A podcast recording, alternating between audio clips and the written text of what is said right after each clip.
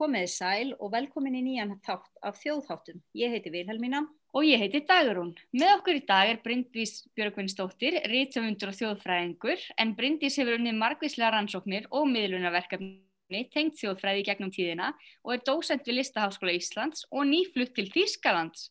Velkomin Bryndís. Takk fyrir. Hvernig er lífið í Þýskalandi? Hvernig er lífið í Þýskalandi? Um, mér finnst svolítið fyndið að hérna, ég er með tvö börn hérna og mamma mín er svo hrættum að ég týni þeim í mannmerðinni. En uh, það er, það fyrir ósað lítið fyrir þjóðurum finnst mér. Maður rýtur út á götu og sér kannski einn og einn á lappi það er rosa rólegt hérna en það er kannski líka í svona hálgjörum sveitabæ, sveitaþorpi. Og hérna og er eiginlega þetta er svona blanda af bæ og sveit, það eru traktorar á götunum og epla, tré hérna og, og, og kýr með horn við hlýðin á húsinu mínu. Uh, en ég hérna er alltaf að vera hrifnar og hrifnar í svona fjæðurinnum að þannig að mér finnst aðeinslegt að vera svona eða svona, já, svona nálægt sveitinni, sko, um leið og ég um leið og það er stutt á næsta kaffihús, sko. Svona brotaði, eða svona Já, já, þetta er svona, já landaði besta, sko að mínum að þið En ef þú segir okkur bara til að byrja með, hvernig fannst þú þjóðfræðina eða þjóðfræðin þig? Um, já, það er um, bara, ég man mjög vel eftir því, af því að ég var í rauninni að svona, hvað segir maður, svona window shoppa, ég var svona að mæta í alls konar fög innan Háskóli Íslands um, þessa fyrstu kennsluviku og hérna svona meðan allt er opið á meðan maður getur svona verið að skrá sig í og úr. Og ég prófaði ímislegt á þessari fyrstu viku, ég var mjög dugleg ég, ég fara í jarðfræði og landfræði og svo kíkti ég í þjóðfræði. Og það er nefnilega var einhver, einhver kurs þar sem átt að tala um álfa og eitthvað svona. Og ég hugsaði með mér að það verður gaman að kíkja inn á kurs og koma staði í, í eitt skipti fyrir öll hvort að álfa verið til eða ekki. Af því held einhvern veginn að kennarein væri bara að fara að segja okkur einhvern veginn sannleikan um það allt saman. Svona út frá vísendum einhvern veginn. En það ná með brás og þegar einhvern veginn það kom í ljósa að það ótt ekki veist, að tala um að þannig heldur eftir að tala meira veist, um hvernig það byrtist og áhrifinn og, og slíkt og hérna svo að tala líka um drauga og svo sagði kennarin hún Kristín Einarstóttir alveg merkja að draugasögu. Og ég hérna mér fannst þetta svo skemmtilegt. Þetta var bara eins og að koma einhver svona sagnaskemmtun með svona í svona góðum hópi fólks. Og já og ég bara mætti þá svona aftur og aftur og aftur þangar til að ég var eitthvað orðin bara nefnandi í þjóðfræðinni. Þannig að það var já, ég veit ekki, þetta, það, þetta var bara svo gaman sko, það, það, það er eiginlega bara það eina. Ég hafði ekki hugmynd um þetta fag, þannig sé áður en ég mætti innan tíma, en, en svona heitlaði skrænilega þarna bara 0-1 sko. Mm -hmm. Og helst svo áfram og fórst í mistranám líka í þjóðfræðinni?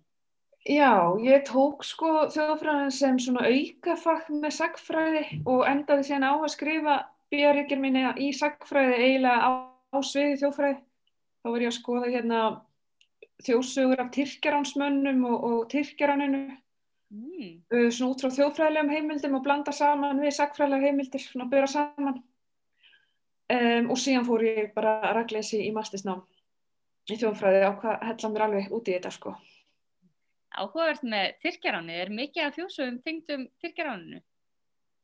Já, ég svona ekkert eitthvað mjög mikið en ég fann nú alveg einhverjar 5, 6, 7, 8 það sem að hérna, sem er alveg beintengdar Tyrkjaránir bara eru svona þetta eru mjög oft svona mjög finnar sögur, þetta eru svona einhverjar útferslur um, já, ein, fólks svona á hvernig atbyrnur hafa verið eða gætu mögulega hafa verið og í svona bland við rosalega svona svona ævintýralegar personur, það eru alls konar galdramenn sem komið sögu sem eru að galdra upp óveður og, og, og Tyrkinir eru hérna að hlaupum á fjórum fótum eins og hundar og þeir eru að drekka mannablóð til þess að herða blóðforstan og þannig að þetta svona tekur á sig svona að þessar svona myndir sem þjóðfrekar kannast og sem alveg við, þú veist að óvætturinn verður gerður að, að að mannætu og, og eða dýrinu sem hleypir um á fjórum fótum og svo koma íslenskir galdramenn sem eru bara eitthvað svona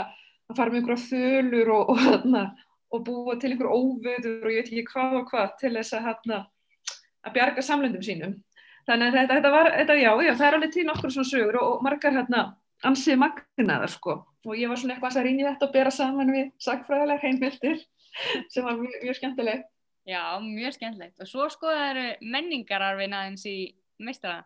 Já, hér fyrir ég alltaf á slóðir í mastersnáminu, þá fór ég meira sko svona eins og menningarpólitík og svona aðeins svona stjórnmál út frá þá hugtækinu menningararfur, hvað er svona valið og sett á stall og, og hvað verður um hluti þegar þið fá þennan stimpil að vera menningararfur og, og svona í samanbyrju við þá hluti sem að fá ekki þann stimpil.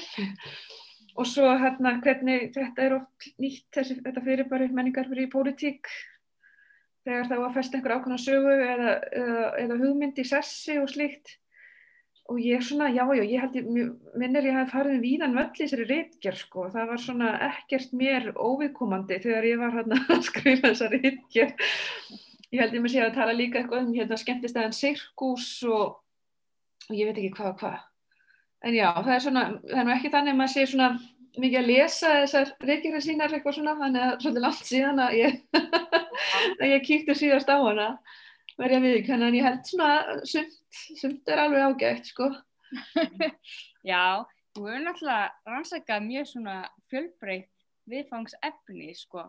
Og eins og þú segir hann í fyrsta tímanum þegar það var að vera að tala um þegar þú ætlar að vita hvort að álvar og huldufólk væri til í raun og veru, þá hefur þú aldrei skoðað álvar og huldufólk líka síðan Já, ég held að ég, hérna, það er svona í fjölskyldinu minni svona mikill áhugi svona á dölúð og ég hefði öruglega alveg sko eins og margir ættingi mínar þeir enduðu á fundin hjá Sálarásunafélaginu eða eitthvað svo leiðis. Ég hefði öruglega getið að enda þar bara líka ef ég hefði kannski ekki kyrst þjóðfræðinni leita að svara. En, en, en já, síðan sko hefði ég svo sem ekkert mikinn áhuga á álfum og þjóðsögnum og eitthvað svona að því ég var svolítið komin meira út í svona pólitíkina. En síðan bara þegar ég svona var eldri þá fekk ég aftur alveg svakalega áhuga á álfunum og ég held að það er kannski tengst kannski að ég fór að hafa svo mikið áhuga bara eiginlega á umhverfismálum og náttúrunni og svona landslægi sem kennileiti og eitthvað svo leiðis ég fór svona að fara meir í göngutúra og reyna að kynast svona umhverfinu um, alveg í þaula svo veist þekkja tretegundunar og blóminn og steinana og reyna svona að taka, svona, kannski partur einhverju svona núvitund sem ég var að gangi í gegnum, að reyna að taka eftir umhverju staðan fyrir alltaf fastur í höstum og sjálfum sér. Og þá fór ég að hafa bara rosalega mikið áhuga á þessum álfum sem einhvers konar svona byrtingamyndum, ég veit ekki, kannski náttúru og, og bara alls konar, já, bara svona flóknum byrtingamyndum, drauma og óta og náttúru og, og svo fór ég að tengja það mitt við hérna loftasbreytingarna, veit ekki hvað hvað.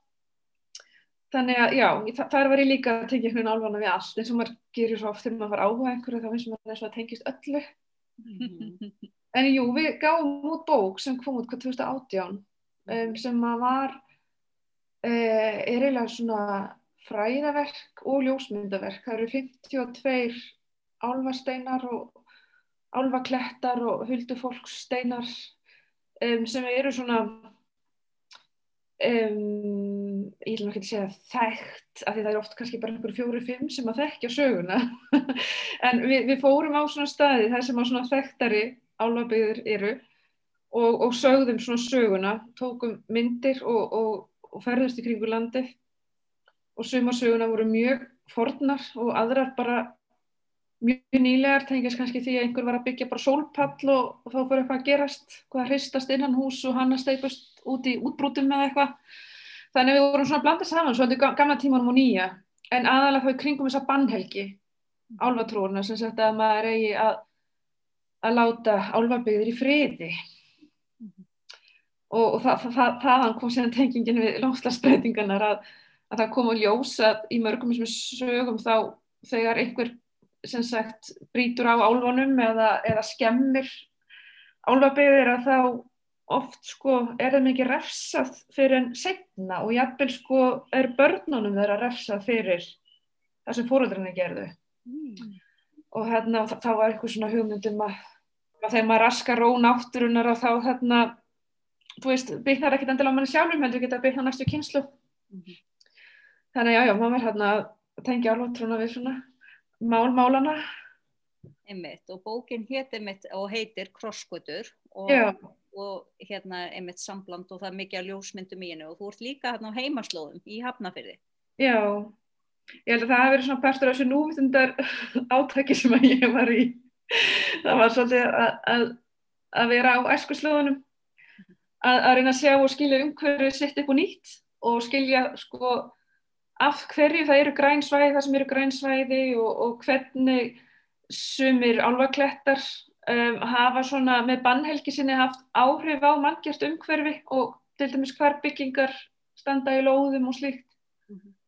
og þannig geta einhvern veginn, það er svolítið gaman þegar einhvern veginn yfirnáttúra, þessi ósynileg yfirnáttúra getur haft svona rosalega sínileg, efnisleg áhrif að hús standa jafnvel ekki beinni röfu götu eins og áallar var.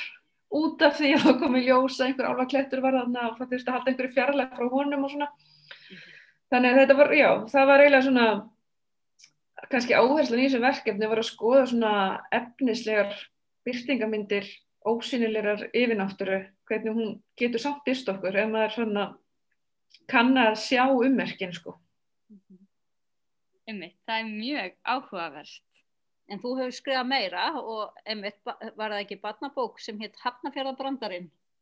Jú, það var hérna jú, e, já, það var svona young adult ungmennabók held ég sem að átti að, að, að, að vísa í, í hafringabrandarana en, en ég ég er úr hafnafyrði og já, ég veit ekki svo sem hvað ég var að pæla þar sko þetta er svona einhvers saga á alls konar furðufuglum að því mér fannst svo oft með hafringabrandana sko að mér fannst samt svo gott hjá hafnfyrringunum í bröndurunum að þeir voru oft samt sko að leifa sér að gera einhverja tilraunir eins og þú veist að fara með stegan út í búð.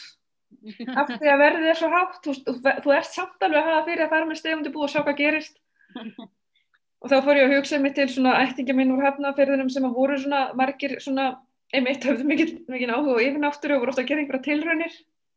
Jafnvel til að tengjast einhverju yfirnáttúru eða bara til þess að leysa einhver tæknileg vandamál og, hérna, og þeir voru oft séði sem svona furðufuglar og jafnvel sko vittlausir en, en, en, um, en þeir voru það ekkert ekki heldur voru þeir svona tilrunaglæðir Mm -hmm. og hérna þannig að sagan er svolítið svona um svona furðufugla sem eru í rauninni kannski líka einhverjir skonar brautriðendur þannig að já, ég, það, það, ég var bara einhvern veginn svona bræða leik kannski með þá hugmynd sko. Hérna, einhver svona uppgjör við hafringana í hafringabröndrunum á, á Þetta- flugbröðu eitthvað blaðsum, hún er mjög löng sko, þetta er ekki bara, þetta er ekki eitt stöndi brandari, hún er, þetta er mjög löng saga, mjög langur brandari. Já, Það er náttúrulega hellingur til af hafðingabröndurum. Það er alveg já, já, líka. það er alltaf, ég veit ekki, við erum svolítið svona þeir fara hverfandi sko, maður, það er svona, náttúrulega voru kannski vinsalæstir á nýjönda áratögnum þegar Hafnarfjörður var að stækka mjög mikið og var að verða svona annar stærsti bær landsins var að sækja í sig veðrið Mm. það er náttúrulega fyrir hann að ókunna kannski akureyringum eða reykikingum eða eitthvað sem að fara svona að segja brandara um þann sem sækir í sig veðrið sko, eins og náttúrulega var gerst við ljóskunar á 7. og 8. áratögnum og, og hérna já, oft svona við hópa sem að einhverjum stendur einhver ókn af þannig að þetta er svona má setja kannski flokk með þannig brandur því alltaf þekki ég þetta ekki Ég ætti að segja alltaf brandar um það sveitafélag sem er næst þeim. Það repparígur. Já, þetta er svona ummitt. Það er svona hrepparígur sem að mynda, sérstaklega þegar, þegar svona annar aðilin er eitthvað að belgja sig út, sko. Já, þetta er magnað sko. Þetta er, það er að finna þetta svo víðast. En þú ert líka nýbúin að gefa út bók. Já, ég var að, ég síðustu þrjú ár hef ég verið að vinna í bók um ferur og verk Kristina Þorkilsdóttur sem að er grafiskur hönnuður sem að ætlaði sér ekki að verða grafiskur hönnuður. Hún ætlaði sér að verða, að verða myndlistamæður og hérna en svona neittist til þess að fara út í grafisku hönnuna því að það, þannig sá hún tækifæri bara til þess að brauðfæða sig og, og litlu fjölskylduna sína sem hún bara eignaðist, byrja eignast börn 18-19 ára. Og hérna og já, og svo bara endur hún á að reyka stærstu auðskostofi landsins í áratögi og hannaði hérna hverja mjölkur fernu seríun á fætur annari alla íslensku peningasæðilana á samt Stephen Ferber og hérna allar umbúðir fyrir MSIs og samsvölubrauð og, og hérna Ósta smjörsöluna meðal annars smjörpakninganar sem eru bara enn þann dag í dag í nótkunn þessar silfriðu með guðlu og rauðurstöfunum Mm. sem hún handteiknaði 1968 og hérna já og hann er alveg fullt af merkjum og bókum.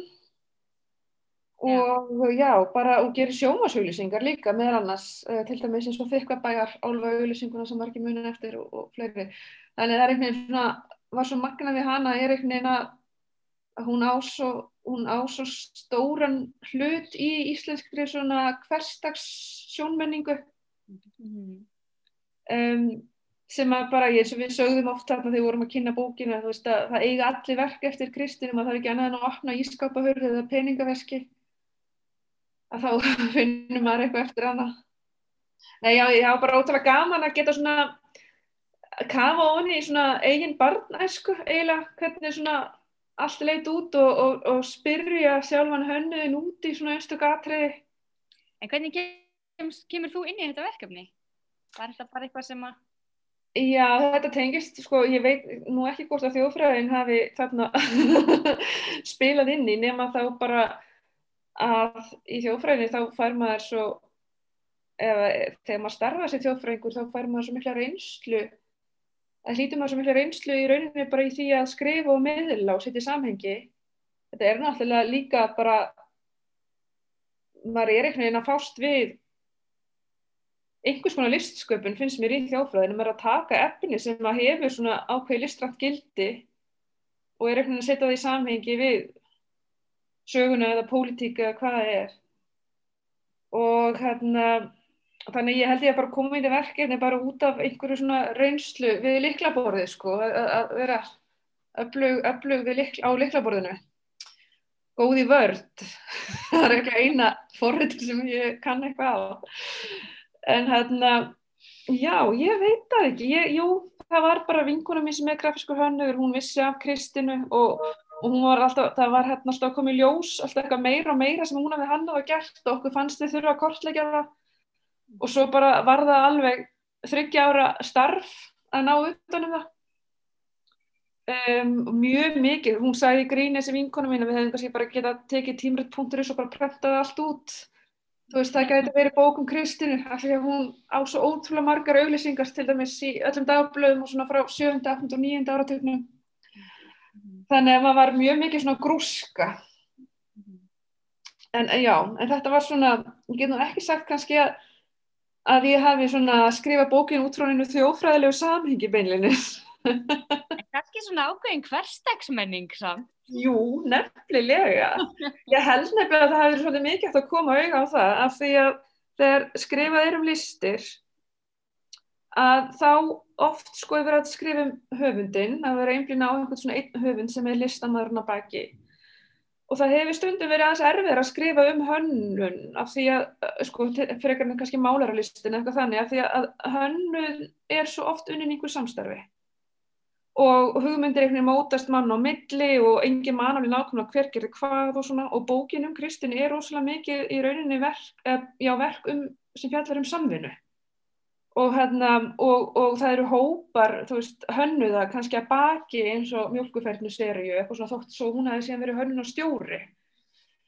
Að þá gat sko, ég fann að það var oft svona vill fólk svolítið mikið svona setja nöfn á öll verk og, svona, og, og þessi einhvern veginn svona versi eða þessi hópur sem að er að baki verksin sem að í þjófræðinu náttúrulega þá eru við alltaf að skoða hópin að baki verksins, þjóðsöguna, þjóðdansins, alltaf hópur, þetta er búið til, þetta er listform sem er búið til einhvern í samstarfi, jafnvel kynnslóðamilli og, hérna, og þetta náttúrulega var mjög svona sínilegt þegar maður skoði fyrir Kristinnar.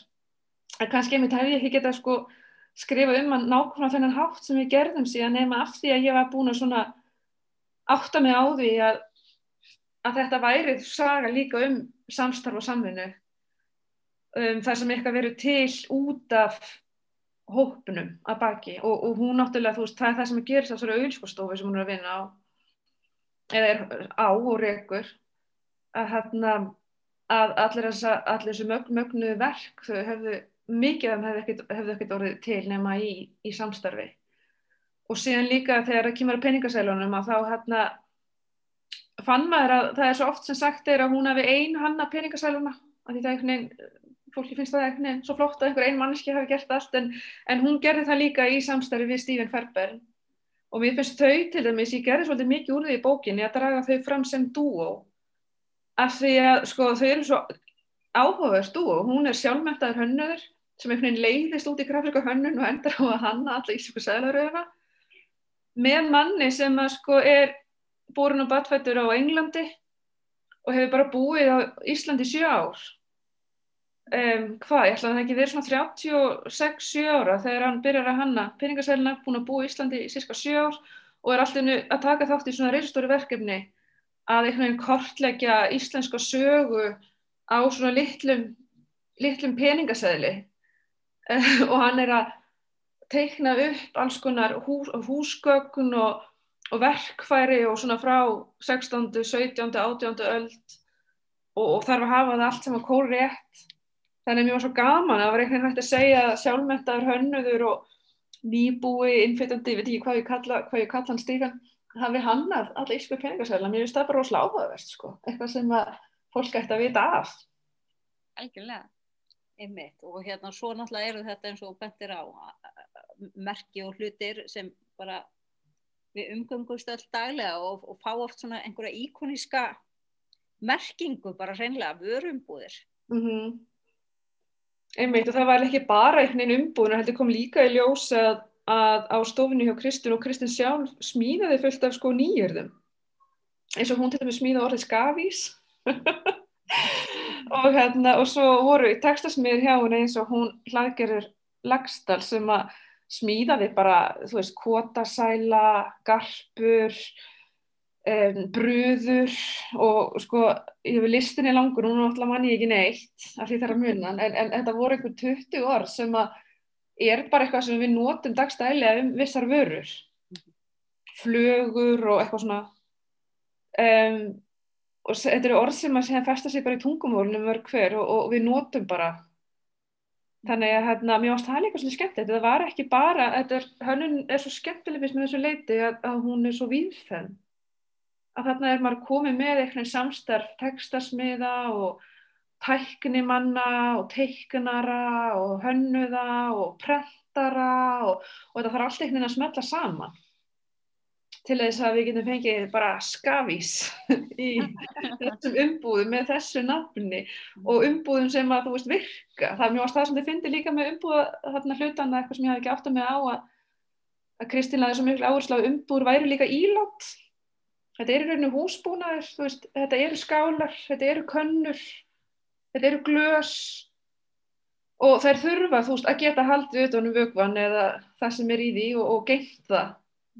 Þannig að það er ekki bara lúkið, heldur þetta líka svona allt þetta praktíska sem það þarf að fylgja með. Og, og svo standa þessar umbúðir eiginlega sem húsbúnaður bara á borðum til dæmis á jólunum og svona. Og þá er hölnurinn einhvern veginn partur af jólahaldinu en hún þarf líka kannski að vera partur af bara einhverjum snögg framreitum að hátegisverði þú veist þess að mjölkurum búin að geta eitthvað verið bæði. Þannig að já, þetta var svona ja, einmitt, þetta, maður fór svona ósælátt mynda að pæla í þessu og reyna kannski að setja svona meira kjöt á beinin í skrifunum.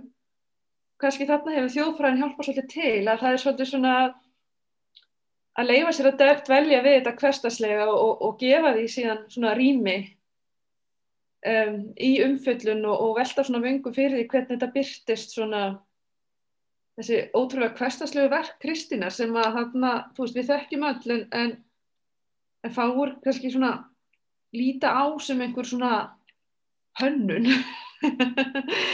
En, en, já, eins og erum við bara einhvern veginn að læra það líka sko. Aðeins að ég held að það sé svona við erum að vera þjálfaður í því að, að, að sjá svona munina í kringum okkur sem hönnuð verk sem að einhver svona hugsun hefur verið lögð í En talandi um þetta um hönnun og listsköpun að þú starfa sem dósent í listaháskólanum. Getur þú Mhm. sagt frá því? Já, ég hef unnið þar auðvitað tíu ár að verða og ég bara, það er einhvern veginn, ég myndi segja kannski að svona 50% af því sem ég kenni eða kem að tengist þjóðfræðu einn eða annan hátt. Og það er alltaf rosalega vinsælt, það er svo nokkur stef sem eru rosalega vinsælt, það er til dæmis að pæla í hefðum og menningararfi, þú veist hvað má gera við til dæmis menningar og hefðir? Þegar það kemur að listum og, og hönnun og svona uh, hvernig þetta endur móta hefðina, þú veist, halda samt í hana og, en samt einhvern veginn að gera eitthvað nýtt og svona, þetta er oft svona um, flókið, flókin ferill einhvern veginn.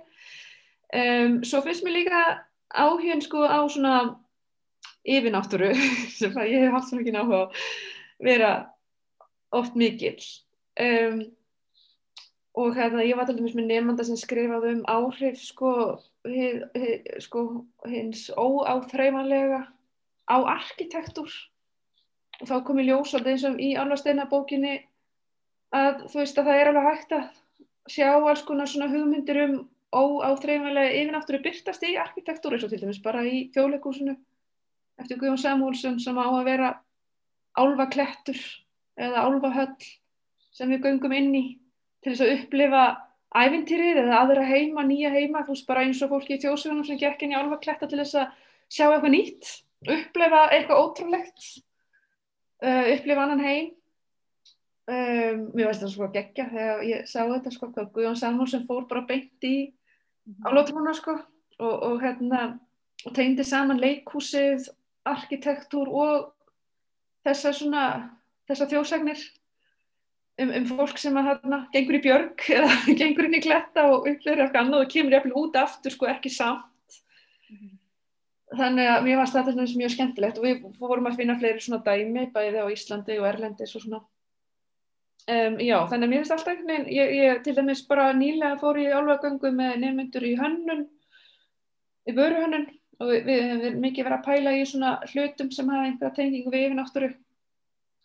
Og svo náttúrulega finnst þeim alltaf gaman svona að pæla líka bara í tengingu kannski svona handverks við hérna yfirnáttúru eins og til dæmis að álvar og dvergar hafi verið bestu smíðinir smíða bestu vopnin og eitthvað svona. Og hvaða hlutir er þetta þá sem þeir voru að búa til og hver eru eiginleikar þeirra og eitthvað svona? Þannig að já, já, þannig að ég myndi segja alveg svona 50% af því sem mér finnst alveg ótrúið hverju hvað ég get tróðið miklu inn í þessa stofnun af þjóðfræði, ég nefnir það er svona þjóðfræði sé eitthvað svona að pari bara við eitthvað sagfræði, heimsbyggi, þjóðfræði. Þetta sé eitthvað svona þetta sé svona meðal svona stærstu fræðigrænin miknina því að maður er svo mikið að tróðina hana inn. En svo náttúrulega mótið kemur og þá náttúrulega er ég líka með um, bara að talfesta fjallum sagfræði og, og hérna og hef svona lært ímislegt um, um aðalega kannski grafíska hönnum sem ég hef svona verið að kenna um aðeins líka. Já þannig að þetta hefur nú aldrei skagnast mér sko. Ég ætla nú að alveg að viðkynna það. Og hérna og, og auðvelt að fá nefnundur sko auðvelt eiginlega finnst mér að kveikja áhuga hjá nefnundum að þeir hérna, þú veist, til dæmis réðu því alveg sjálfur hvort þau myndi mæti álagöngun eða ekki, þetta verið fríviku hjá þeim. Og það var samt alveg helmingun og okkur sem mætti, sko, mér fannst það ansið gott, sko. Í fríviku hjá þeim sem eru undir miklu álægi að nennar samt að mæta upp í Hafnarfjörð og lappa í tvo tíma í regningu og skoða einhver ávagletta þannig að það hýttur að vera áhugi Já, er það ekki fullkomið til að létta á álæginu hérna? Jú, það, það, það er algjörlega mín, mín skoðin, sko. Ég líti á þetta sem, sko, þegar fyrir svona álagöngu, það er tvekja tíma, þetta er bara útivist og skemmtun og fræðsla og samvera og eitthvað. Mér finnst það rosa, rosa góði dagar, sko. Sem að hérna, og það að kenna líka útivið og geta heimsókt þessa staði og verið á þeim þegar maður er að fjalla um það og svona. Það er bara allt, allt öðruvísi heldur að vera inn í einhverju kennslistofu með glærur og hérna gefur manni svo, svona, svona kannski ekki eitthvað mikið meira upplýsingum en svona gerir bara eitthvað svona gefur sálinni eitthvað svona einhverja næringu bara svona í smá vettvangsferðir. Já, það er gaman og, og hérna, já, svo er þetta líka bara partur af því að kynast einhvern veginn sínu eigin umhverfi og, og hérna, skoða svona í kring og oft er mitt, finnum við eitthvað nýtt, sko, þótt ég sé búin að fara í svo göngu 20 sinnum, eitthvað það er oft eitthvað svona nýtt í umhverfinu sem að hægt er að benda á, sem er skemmtilegt eða áhugavert. En þú hefur mitt svona meðfram líka verið með alls konar uh, auðvísi miðlun. Þú hefur verið að fara í svona álvagöngur það ekki og svo hefur verið að gera útvarstætti og sjónvarstætti. Já, það er svona, gerði einhver svona einn og einn útvarsátt einhver tíman. Um, ég gerði til dæmis jólaþátt um grílu einhver tíman. Um, ég man ekki en mér fannst það svona góð hugmynd. Ég held bara, jú, bara Gríla hefur kannski verið með smá svona comeback, fólk hefur kannski farið svona að hafa áhuga á henni aftur út frá einhverju svona nýjum forsendum. Um, síðan þá var ég með sjónvastætti um reymleika, þeir heitur reymleikar. Það var rosa erfitt að gera þá af því að, af því að þú veist, maður var með einhverja kamerumenn sem áttu eitthvað að taka upp myndefni og allt sem ég talaði um er eitthvað sem er ósynilegt þannig að þeir voru bara endast að taka upp eitthvað svona hurðað, opnast og lokast eitthvað fótatak og eitthvað svona. Þannig að við vorum, þetta var rosalega hausverkur að finna út úr því, þú veist hvað í óskupunum við getum sín við allar svona, við tók viðtal mikið fólki sem hefur upplifað eitthvað eða hefur eitthvað svona að segja. Það var rosalega mikil hausiskur að minnskreita það allt saman. Þannig að ég veit kannski hefur þetta átt að bara vera út af stættir já svona út af sleikús kannski frekar. En já, en það var alveg gaman sko, það var alveg, já og, og ótrúlega hvað þarna allir höfðu veginn sög að segja og hvað er til mikið og einhverjum svona skriknum stöðum á Íslandi sem hérna gaman að fara að heimsækja oft kannski staði sem að áttu sér svolítið svona sorglega sögu átakalega sög og þá er einhvern veginn fara að spinnast svona sögur um kannski einhvern draugagang eða, eða einhvern veginn að svona vannlíðan og skelving fólks hafi einhvern veginn svona ummyndast í einhvern draugagang. Eða þið veitir svona eins og það gerst eitthvað hræðilegt að, að, að einhvern veginn í sögunni að þá sprettur upp úr því svona eins og einhver svona tilfinning fyrir því að, að hlutinir hverf ekki.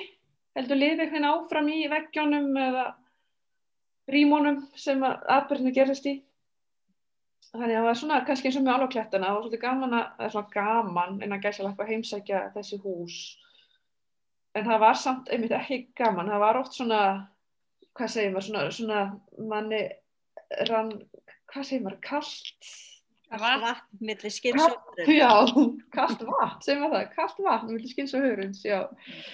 Já, það verður að segja það og svo var ég, þú veist, sagði ég einhverju miðli frá því að ég hef farið þetta og þetta hús eitthvað svona þá var hún alveg rosa reyð út í mig fyrir að fara þarna um þess að byggja draugunum leiði og eitthvað svona nú er þeirra hefna sín og, og ég var bara rosa hrænt bara, þú veist, eftir að hafa gert það þætti að því mér fannst svona eins og eins og ég hefi svona átt að byggja draugunum leiði eins og maður byggir ofta álvanum leiði Mm -hmm. Ég hafði einhvern veginn klúðrað því þannig að ég var að gera einhvern veginn eftir á og byggja eitthvað um leið eftir á og mér fannst svona að ég fengið það í gegn. þannig að maður var sjálfur svona létt poppaður á að, á að standa í þessu. En, en kannski líka bara því að, að þetta var svolítið raunverulegt fyrir manni þegar maður fór úr staðina og kafaði ofan í sögu svona vissra staða að þá hérna fóru þetta að vera svolítið svona raunverulegt fyrir manni bara að vilja gera þetta vel og, og drauganir er svona sattir við mann mm. að þeir, að þeir svona fynduð að maður væri með þeim í liði sko að maður vildi gera vel kannski bara svolítið eins og með álvana að þú veist að það er svona svona hjátrúni þá veit maður svona já ámaður svolítið að vera í liði með þeim sko. Þeir eru svolítið svona refsiglaðir ef maður er ekki í liði með þeim Já, já, þannig það var, það var mjög, mjög svona skemmtilegt en mjög kræfjandi verkefni verið að segja að gera þessa sjónasættu um drauga. En samt svo gaman að miðla þessu efni áfram og svona koma þessu í svona, kannski svona aðeins öðruvísi form og þannig að fleiri njóti þess. Já, og ég held líka, þú veist, að því að fólki er svo gaman að segja sögunar en svo kannski það sem maður lærir í þjóðfræði er svolítið svona að leggja út af sögunum og greina þær og tengja saman og setja þær í, veist, alls konar samhengi og svona. Þannig að ég held að, þú veist, að þeir sem að, þeir sem finnst gaman að heyra svona sögur og miðla svona sögum, þeim finnst líka alveg gaman að hlusta á síðan það. Þótt svo, þú veist, að eins og ég fekk svona að heyra þú veist að, með, þú veist, að ég mætti ekki frá ofræðilegt þá myndir fólk bara slökka sjónvarpinu af því að það er svo leiðilegt en maður var alveg að reyna þú veist að gera þetta þannig að, og, og það er alveg hægt þú veist það er alveg hægt að vera ekki leiðilegur en samt alveg svolítið fræðilegur. Mm -hmm. þannig maður var svolítið að reyna það þú veist að, að finna út úr því hvernig það væri hægt. Gullna meðalveg. Já, af því að fræðinni mitt þau eru ekkert leiðileg sko. Það er bara, maður þarf bara að passa að vera ekki of, svona langorður og, og, ekki, og vera, vera ekki svona afvega leitur það þarf að make a sense einhvern veginn. Og það var svona stæst, stæsta verkefni með þess að þætti en já. Svo hef ég svo sem ekki, veit ég svo sem ekki alveg hvernig til tókst. Ég, þeir voru eitthvað inn á sarpinum í fyrra held ég veit ekki eins og hvort það séður lengur. En já já það hafa verið alveg einhverjir, einhverjir hort á eitthvað sko.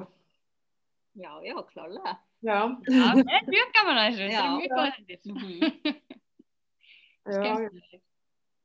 Já, ég held samt að ég færi aldrei aftur að reyna að miðla svona einhverjum 250 mínútum af ósynilegri yfirnáttur í sjónmöppi aftur. Það var alveg, alveg galið sko. En núna ertu að rannsaka eitthvað sem er svolítið myndrænt líka, er það ekki? Hefur ekki verið að rannsaka aðeins húðflúr? Jú, það er bara svona í og með og það er einmitt mjög tengt svona áhuga sviði oft í mér svona nefnda listaháskólanum sem hafa verið að vinna svona út frá tákneimum húðflúrsins eða út frá verkfærum húðflúrsins um, og eru jæfnveg líka af húðflúra, það kom einhver svona tískubilgi hjá þeim í hönunardeilt til dæmis fyrir svona fimm árum síðan. Þau voru öll að húðflúra hvort annaf og, hérna, og þá voru að nota þetta hérna stick and poke um, verkfærin sem voru notu sko fyrra á tímum eins og til dæmis í hérna á Kirrahafseijónum og, og Nýjasjálandi og hérna og víðar. Gott ekki líka bara í hérna sovísku fangilsónum þar sem mikið var um, um húflúr og húflúr menningu um, þannig að þau voru að nota svona alveg þá tækni þess að sko eldstu tækni.